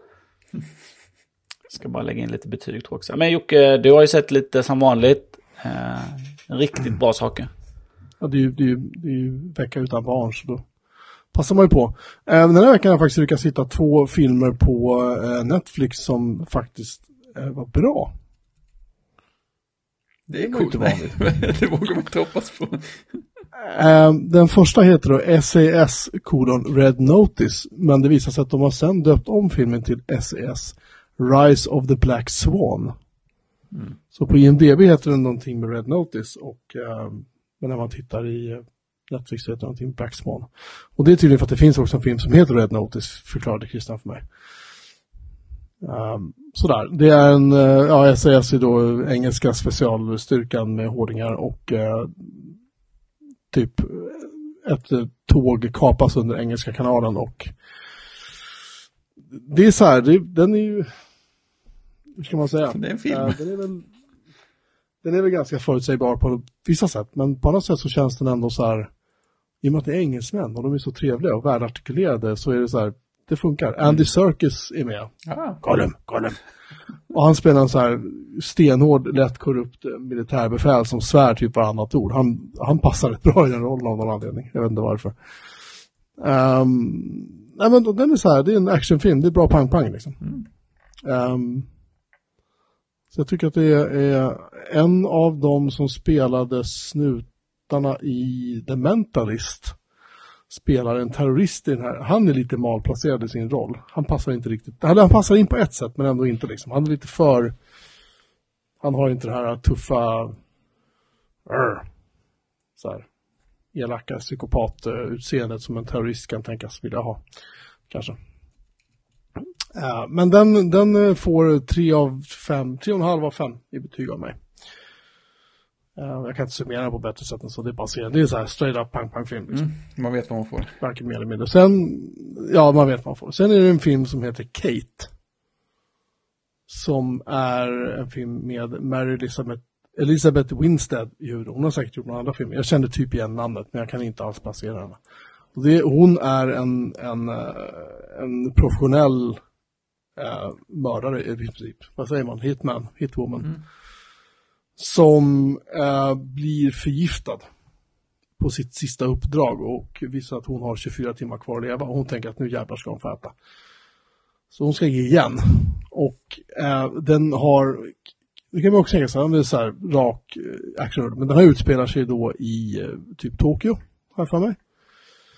Och eh, jättemycket så här överraskande roliga kameravinklar och liksom så här, hon är skitbra i sin roll. Um, många andra som jag också spelar bra roller, de undviker de här, eh, undviker ska jag säga, men de här klassiska Yakuza och hårda japanerna, stereotyperna, Um, hanteras väl ganska väl tycker jag ändå i den här filmen. Uh, jag tyckte den var skitbra. Man vet ju hur den slutar, hon dör. För det, ja, det, finns inget, det finns inget botemedel för det här, det hon har fått i sig. Så, uh, men ändå, jag tycker att den funkar. Så den får 4 av 5 BMO i betyg. Faktiskt. Dåligt. Nej, Nej jag, jag tycker den var, jag, jag, jag gillar, jag, menar, jag vet inte varför, men ju äldre jag blir, mer gillar så här filmer med så här, kvinnor som sparkar rumpa och är stenhårda och inte bara så här, mm. jag vet inte, ännu en film med, eh, med, eh, vad hette han nu igen, han som var med i The Meg, han som... Äh... Jason Statham, ja, precis. Jason Statham, ännu en sån film med honom där han är så här stenhård och stirrar på folk ja. och eh, slår dem, liksom. Det, jag är jävligt trött på sådana filmer ja. faktiskt. Kan jag tycka. Ja, ja. Mm. Jag har kollat på Amazon. Det var jag har sett. Oj! Ja. Känns konstigt. Men eh, jag fick en sån där gratis månad på Amazon Prime. Häromsistens när jag köpte hundmat eller vad det var. Eh. Som, som man ju gör på Amazon Prime. Lite hundmat och eh, tv-program, tack. Nej, men Prime är väl eh, Prime är väl eh, leveransgrejen va? Ja, det är ju, all, det är ju alltihopa. Det, ja, precis. Ju, ja, så, ja, så då, de erbjuder ganska ofta att få en prova på månad på Prime. Och då, sen kommer det då ett mail med alla andra sådana här Prime-saker som de kastar med på folk.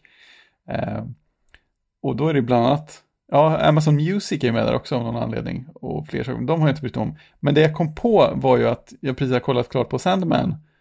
Och eh, en sak som de har på Amazon Prime Video är ju Good Omens.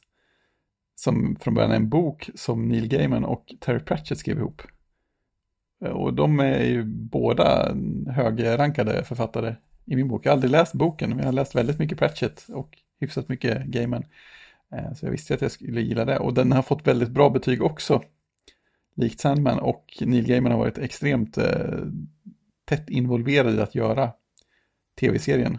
Och dessutom är det bara sex avsnitt som berättar hela storyn. En limited series eller vad det heter. Det, sånt gillar jag ju. Det är bra start bara det.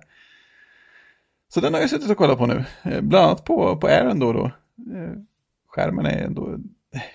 även, skärmar som inte är sådana där ultra eh, vansinnes Macbook Pro-skärmar kan, kan vara ganska bra just nu. Det är bra ljusstyrka på den. Man ser mycket fina detaljer. Eh, mysig tv-serie, inte alls lika mörkt som Sandman, även om det handlar om eh, änglar och demoner och världens undergång och lite andra sådana vardagsteman. Det är mycket, mycket glimt i, i ögat. så, the usual liksom, handla mjölk, undergång. Ja. ja, men lite så, lite så. En diskbänksrealism. Mm.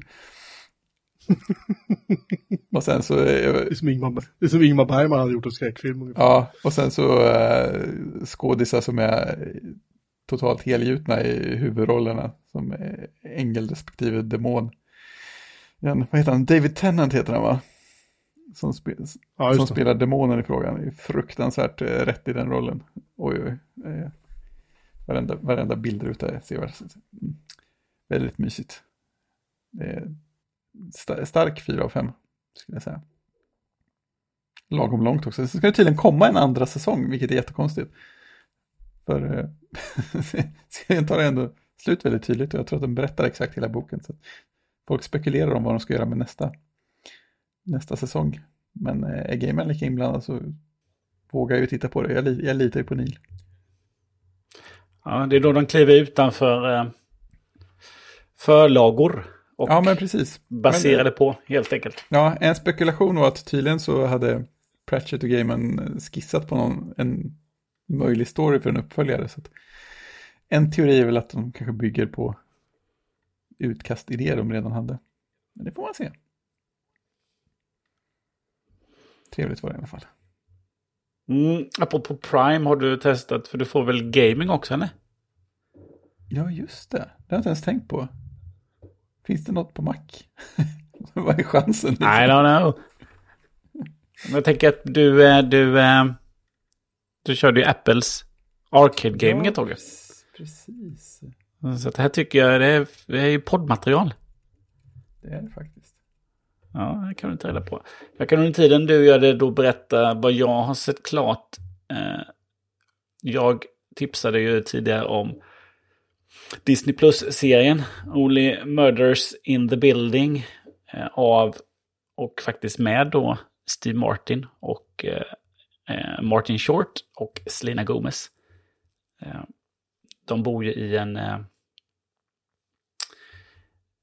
de bor ju i ett sådär eh, stort eh, eh, apartment building.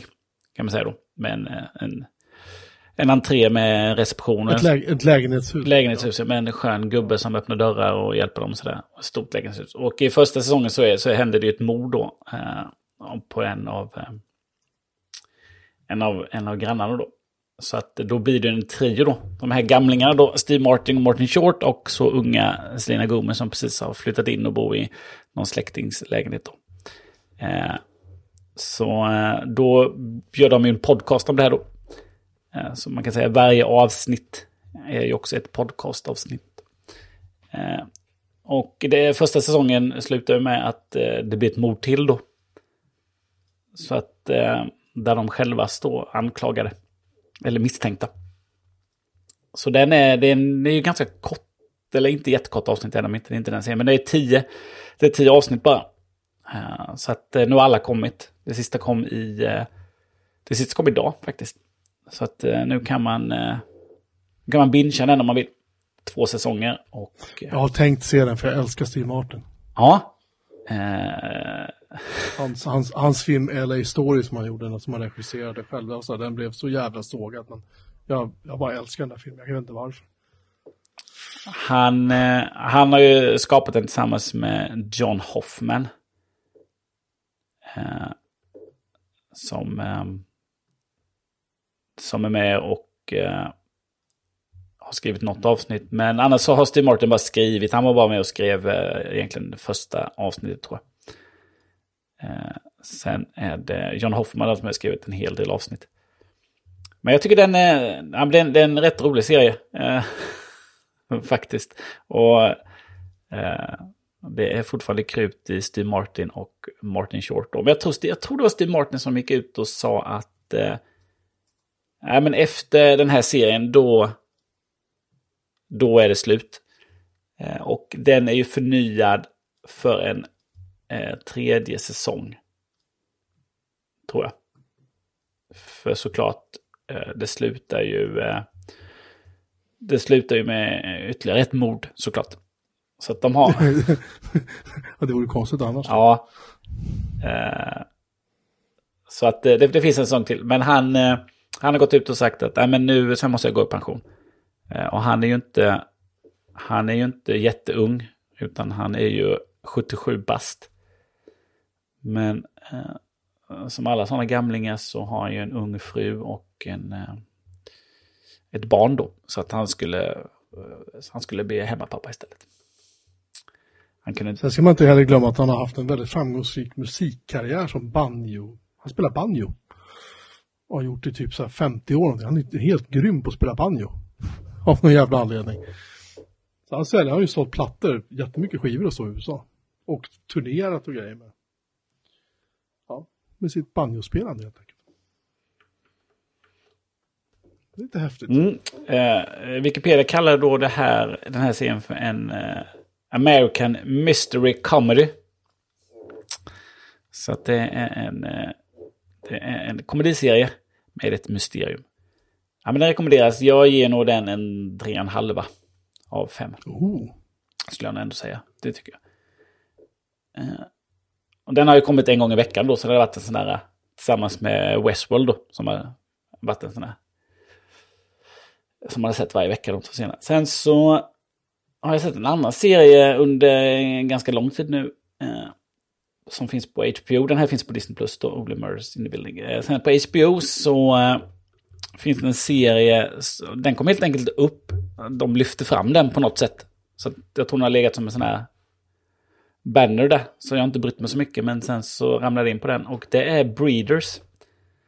Eh, som då är en mörk komedi då. En riktigt mörk komedi faktiskt. En dark comedy. Den är skapad av allas våran favorithobbit. Martin Freeman. Mm -hmm. Så han har skapat serien. Han har inte skrivit den då, men han har... Han är en av medskaparna då. Baserat på en idé från honom. Så att den finns i tre säsonger. Det har gjorts en säsong 2020, 2021 och nu 2022 då.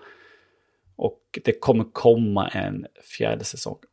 Men den, eh, den handlar om två, två, två föräldrar då. En man och en kvinna som kämpar med, kämpar med livet att vara föräldrar då.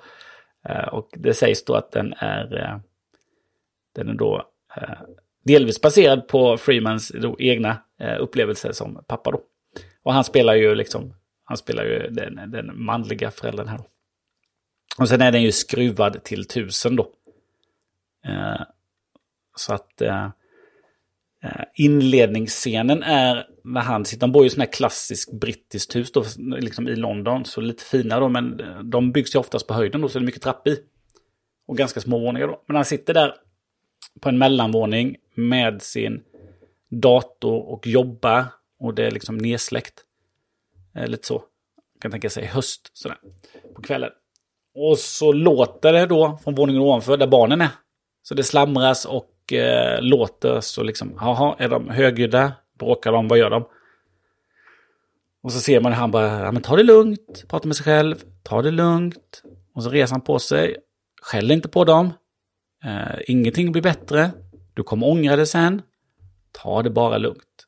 Prata med dem. Och så går han upp och så öppnar han dörren. Och så skriker han. Hur många gånger har jag sagt till dig att vara tysta? Klassisk igenkänning. Eh, och sen, så, mm. sen då så är det ganska mycket svordomar i den här då. Eh, brittiska svordomar då. Så att, eh, och sen så skruvar de, skruvar de i det, det är liksom ett varv till då. I en sån dialog. Att liksom man säger, men nu, jag skiter i det, jag flyttar. Ser ni mamma så säger till att jag inte står ut med er. Ni får klara er själva. liksom, så liksom skruvar ett, ett varv till då. Och sen så liksom kommer det där dåliga samvetet då. Så tittar på, och barnen bara tittar på det och blir helt... Och då är de ju ganska små då. Eh, eh, liksom, dottern är i prinsessklänning och storebror då. Och hon står och slår på en trumma. De blir helt tysta, bara tittar på honom. Sätter sig ner på sängen.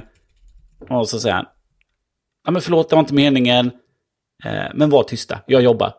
Och så går han då, och så går han ner för trappan och så dyker frun då upp som spelas av, eh, eh, spelas ju av, eh, vad heter hon? Eh, Daisy Haggard spelar frun då. Eh, hon, då dyker hon upp första gången och säger, nej men bra gjort sändebudet. Och så sätter han sig ner och så säger han så här, "Ja, jag älskar dem så mycket. Men samtidigt så vill jag döda dem. Varpå hon säger att ja, jag brukar fundera på eh, hur man bäst dödar dem. Liksom, vilken kudde eller vad man ska använda. Och så här. Jag skulle ta tigerlakanet för det är tjockast och bäst. liksom, så där är dialogen då. Eh, och sen är det liksom, första säsongen är blandat då med tillbakablickar på när de träffas, innan de har barn. Eh, och tillbakablickar när barnen föds och sådär. Så att liksom det är liksom, man säger nutid och tillbakablick hela tiden då. Liksom de funderar, liksom funderar tillbaka då. Så det börjar med liksom sömnlöshet och eh, liksom den, när de är ganska små då. I första säsongen. Så det, första säsongen är väldigt rolig, man skrattar mycket. Eh, sen då så steppar de ju upp det där eh, till säsong två då, för då liksom i säsong två lyfter de i barnens ålder då, så är det nya barnskådespelare. Som blir tonåringar då. 11 och 13 tror jag de kommer ungefär där då. Så då skickar de på nya skådespelare. Men då är det mer... Då liksom, att han blir så arg blir då ett, ett, ett, liksom ett riktigt problem då. Liksom, ja, men det måste gå i terapi och liksom, det måste lösas sådär då. Så att, eh, och den här sonen de har då i den här första scenen då. Så kan inte han sova för att de har haft en genomgång om brand i skolan. Så han är ju rädd för att de ska brinna inne. Så det slutar med att han inte kan sova, Eh, det här barnet. Och då ska då pappan då, eh, Freeman, då förklara för honom. Men, men här sitter ju, här sitter ju rökdetektorn. Eh, så att den kommer låta om det skulle hända någonting. Ja, men om det skulle börja brinna i, i, i hallen. Ja, det funkar också. Ja, men om det skulle börja brinna i soffan. Ja, det, det kan brinna hur mycket som helst. Det kan brinna överallt. Så kommer den låta. Va? Kan det brinna överallt? ja, fast det kommer inte hända. För då hoppar vi ut genom fönstret. Men det får inte du göra för att nyckeln sitter inte där. Var sitter inte nyckeln där? Var ligger den då? Och liksom varje sak han säger blir bara mer och mer fel då. Så det här är ju ganska roligt. Den första säsongen, den här liksom, det här barnet, lite oro då. Men i säsong två då så har de ju vridit upp det. Att då är det ju riktig ångest. Som man har då. Eh, Så den blir ju bara mörkare och mörkare. Och liksom eh, den här första komedin när man skrattar ganska mycket så blir den bara mer och mer allvarlig då. Och liksom ännu mer skruvat då i säsong tre. Då skruvar, vi, ju- skruvar på ytterligare då med relationsproblem. Mellan liksom det här äkta paret också då. Mamman och pappan då. Och sen är ju deras föräldrar med och lite vänner och sådär. Men ganska tight cast ändå. Eh, som, som, som är med genom serien då egentligen. Eh, men liksom mer och mer problematik då. Så att den, det, blir, det blir mindre skratt och mer allvar ju längre man kommer i, säsong, i säsongerna. Eh, Men jag tycker den är väldigt bra. Den har fått... Eh, första säsongen det tycker jag är fantastiskt rolig. Jag skrattade jättemycket under den säsongen även om det, liksom det, det är väldigt mörkt. Då. Så skrattar man igenkännande även om det är otroligt skruvat då. får man vara medveten om. Men... Eh, nej, jag skulle ju ge... Jag skulle nog ge den här serien en, en, en fyra. Det är bra. Ja, som fan. Ja, jag tycker den, den, blir, den blir bara mörkare och mörkare. Eh, och eh, eh mycket igenkänning första. Som att liksom, det är ju liksom mer barn i min ålder då. Skulle jag säga. Då. Man kan känna igen det lite då. Eh, förutom att det är otroligt skruvat. Och sen blir det bara mer och mer allvarlig och mörkare. Eh, så en fjärde säsong är på gång.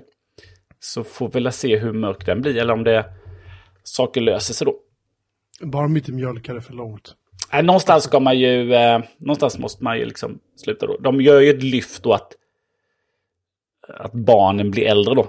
Så att det är nya skådespelare då. Så mellan ettan och tvåan har ju liksom, de, de, de lyfter liksom deras åldrar då. Så de kommer upp i liksom högre skolålder då. Som liksom inte är småbarn längre då. Sen är de gamla barnskådespelarna faktiskt med genom hela säsong två och tre också då. I de här tillbakablickarna då. För de, de, de här relationerna då. Mm, liksom det är både relationerna, eh, barnen till föräldrarna. hur de ändras då. Eh, de, de två barnen, deras relation till de olika föräldrarna ändras. Eh, relationerna mellan, eh, mellan mamma och pappan ändras ju också. Men sen även då relationerna till deras föräldrar, som också är med, liksom ändras ju också då. Så att det, det, det, det, är, det är mycket relationer då i, i, i, i den här komedin då. Eh, för det, det, det är ju liksom, det är det är ju liksom en komedi också då. Och det går genom hela serien liksom. Eh, även, och dialogen är ju faktiskt ganska kvick, eh, skulle jag säga. Men jag tror, jag håller första säsongen som den bästa. Mest igenkänning och då är, då är, liksom är barnen små. De har, man liksom fattar att de har skruvat det mycket då. Men sen blir det mer och mer allvarlig. Eh, ju längre tiden går. Så att, äh, men ge den en... eh, De det, det här är det korta avsnitt, så de är 20, 20 minuter bara. Ja, Så att det är inte så mycket... Så, liksom, så man kan liksom ta ett avsnitt eh, till när man har kört en airfry-fralla. När man kommit hem. Så eh, perfekt.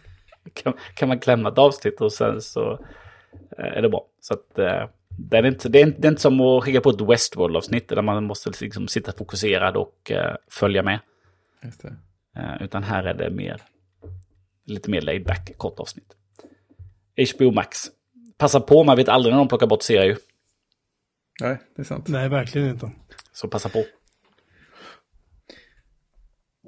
Ehm, tusen tack för alla som har lyssnat och eh, på detta 322 avsnitt av Sveriges succépodd Björn Melin Ås. Vi hörs igen om en vecka. Besök vår hemsida för 321 avsnitt, avsnitt till. Puss och kram. Tjing! Tjing! Tjing!